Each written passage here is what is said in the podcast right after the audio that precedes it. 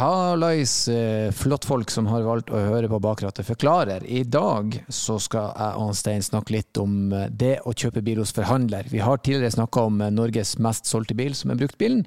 Og da har vi da, nå er det da forhandlere med nybil litt mer fokus på. Så ja, det ble en bra prat. Håper det ble informativ for dere. Og som alltid så vil jeg si at dersom det er et tema dere har lyst vi skal ta opp, så send det mer enn gjerne til oss på en e-post bak rattepodkast at bos.no. Praten!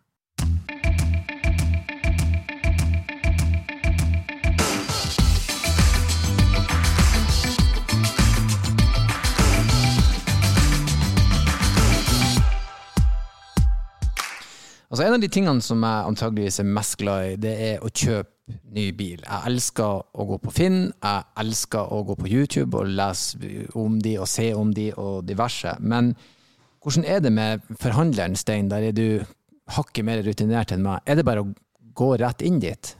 Ja, det må du absolutt gjøre.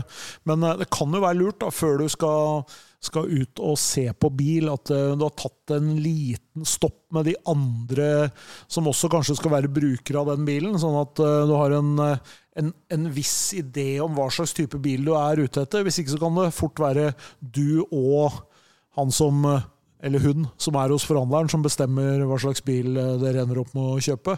Så, så det kan være lurt. Så når du har på en måte blitt litt sånn dere har blitt litt enige om hva slags type bil dere har, eller er på jakt etter, så tenker jeg at det kan være lurt å ta kontakt med den eller de aktuelle forhandlerne, liksom.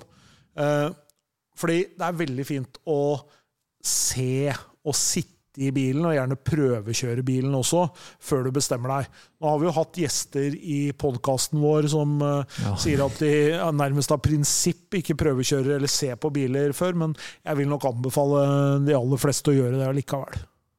Ja, for meg vil det jo nærmest være naturstridig å ikke skulle prøvekjøre, men uh, ja, det er, et, uh, det er et godt tips.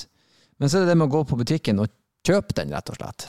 Ja, altså, Det kan jo være lurt å diskutere litt bli litt sånn enige om hva slags type utstyr du er på jakt etter. da. Eh, er det plass til Skal du ha barnesete baki, f.eks., så er det greit at det er plass til bakovervendte barneseter. For eksempel. det er jo ofte et problem i mange biler at eh, den som skal ha det barnesetet bak seg i bilen, må jo sitte sitte med tenna i dashbordet omtrent for å, for å få plass. Ja. Mm. Og det er ikke så veldig behagelig, så, så, da kan jo det være lurt da også. Og så når du har funnet din biltype og liksom begynner å gjøre deg klar til å, å skrive kontrakt, eh, så vil det jo ofte være sånn at da skal jo den bilen bestilles. Det er jo en del biler som er på lager, men kanskje har du lyst på akkurat den fargen eller det utstyret osv. Så, videre.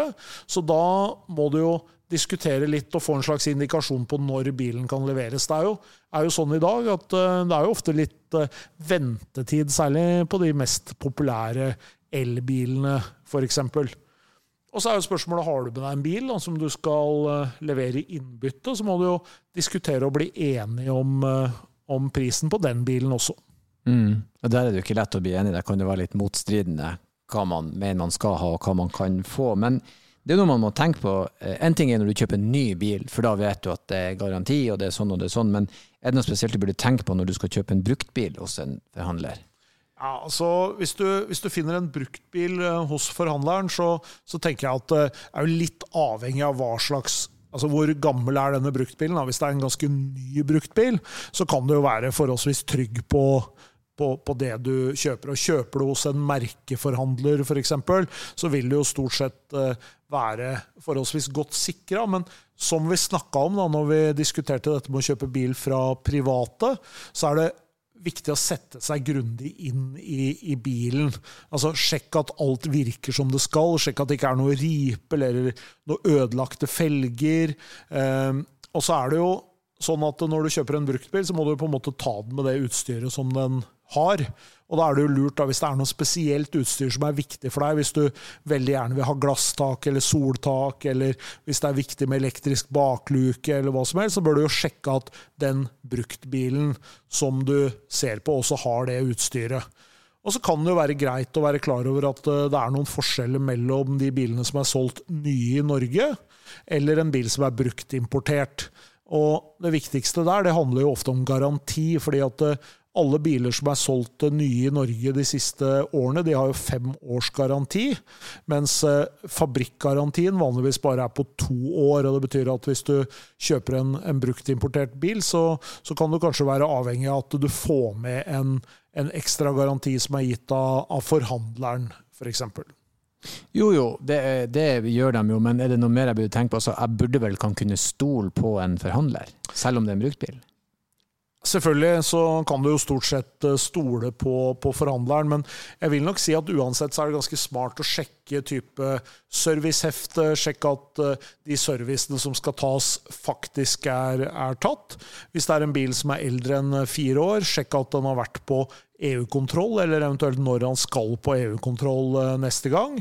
Og hvis du kjøper en bil da, som er utafor garantiperioden, så kan det være greit å få bilen enten med en bruktbiltest kanskje som er gjort av forhandleren, eller, eller, hvis det er en litt eldre bil, ta den med deg og gjøre en, en annen type bruktbiltest av bilen.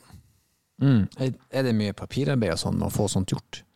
Så Normalt sett så er det sånn at uh, forhandleren har en standard kjøpekontrakt som du undertegner. Og, og Hvis det er sånn at uh, det er forhandleren som fikser finansiering av bilen, så får du jo de lånepapirene samtidig som du undertegner uh, kjøpskontrakten og sånn.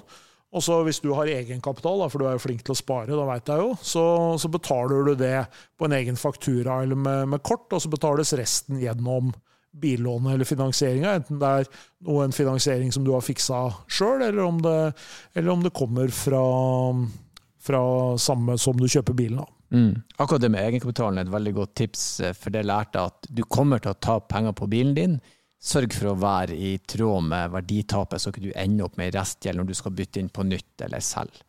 Det er ganske lurt uh, når du kjøper bil at uh, at du på en måte har, en, eh, at du har litt penger inni det. Det fins eh, mange, mange, gode kjøpsavtaler på bil eh, som kanskje er for gode for å være sant. Og mm. Hvis du lurer på en av de, da, så kan du kanskje høre på en tidligere podkast som vi hadde, for vi har jo en gjest som, som kunne litt om det. Ja, absolutt. absolutt. Jeg er klokere, og jeg håper lytterne våre er det også. Og så kan vi vel ikke si noe annet enn lykke til med ditt ja, potensielle neste bilkjøp hos forhandler.